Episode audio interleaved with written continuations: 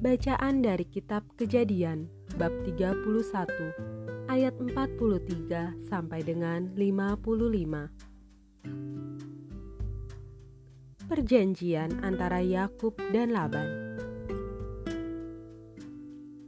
Lalu Laban menjawab Yakub, Perempuan-perempuan ini anakku, dan anak-anak lelaki ini cucuku, dan ternak ini ternakku. Bahkan segala yang kau lihat di sini adalah milikku. Jadi, apakah yang dapat kuperbuat sekarang kepada anak-anakku ini, atau kepada anak-anak yang dilahirkan mereka?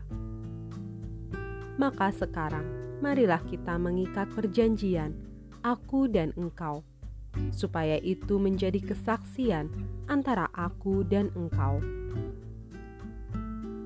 Kemudian Yakub mengambil sebuah batu dan didirikannya menjadi tugu. Selanjutnya berkatalah Yakub kepada sanak saudaranya, "Kumpulkanlah batu." Maka mereka mengambil batu dan membuat timbunan lalu makanlah mereka di sana di dekat timbunan itu. Laban menamai timbunan batu itu Yegar Sahaduta, tetapi Yakub menamainya Galet. Lalu kata Laban, Timbunan batu inilah pada hari ini menjadi kesaksian antara aku dan engkau. Itulah sebabnya timbunan itu dinamainya Galet dan juga Mispa sebab katanya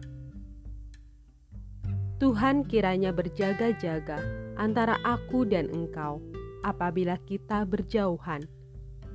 Jika engkau mengaibkan anak-anakku, dan jika engkau mengambil istri lain di samping anak-anakku itu, ingatlah, walaupun tidak ada orang dekat kita, Allah juga yang menjadi saksi antara aku dan engkau. Selanjutnya kata Laban kepada Yakub, Inilah timbunan batu, dan inilah tugu yang kudirikan antara aku dan engkau. Timbunan batu dan tugu inilah menjadi kesaksian bahwa aku tidak akan melewati timbunan batu ini mendapatkan engkau, dan bahwa engkau pun tidak akan melewati timbunan batu dan tugu ini mendapatkan aku dengan berniat jahat. Allah Abraham dan Allah Nahor, Allah ayah mereka, kiranya menjadi hakim antara kita. Lalu Yakub bersumpah demi yang disegani oleh Ishak ayahnya.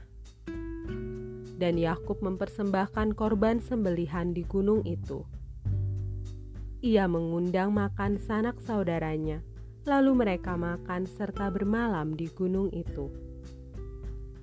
Keesokan harinya, pagi-pagi Laban mencium cucu-cucunya dan anak-anaknya, serta memberkati mereka. Kemudian pulanglah Laban kembali ke tempat tinggalnya. Demikianlah sabda Tuhan. Syukur kepada Allah. thank you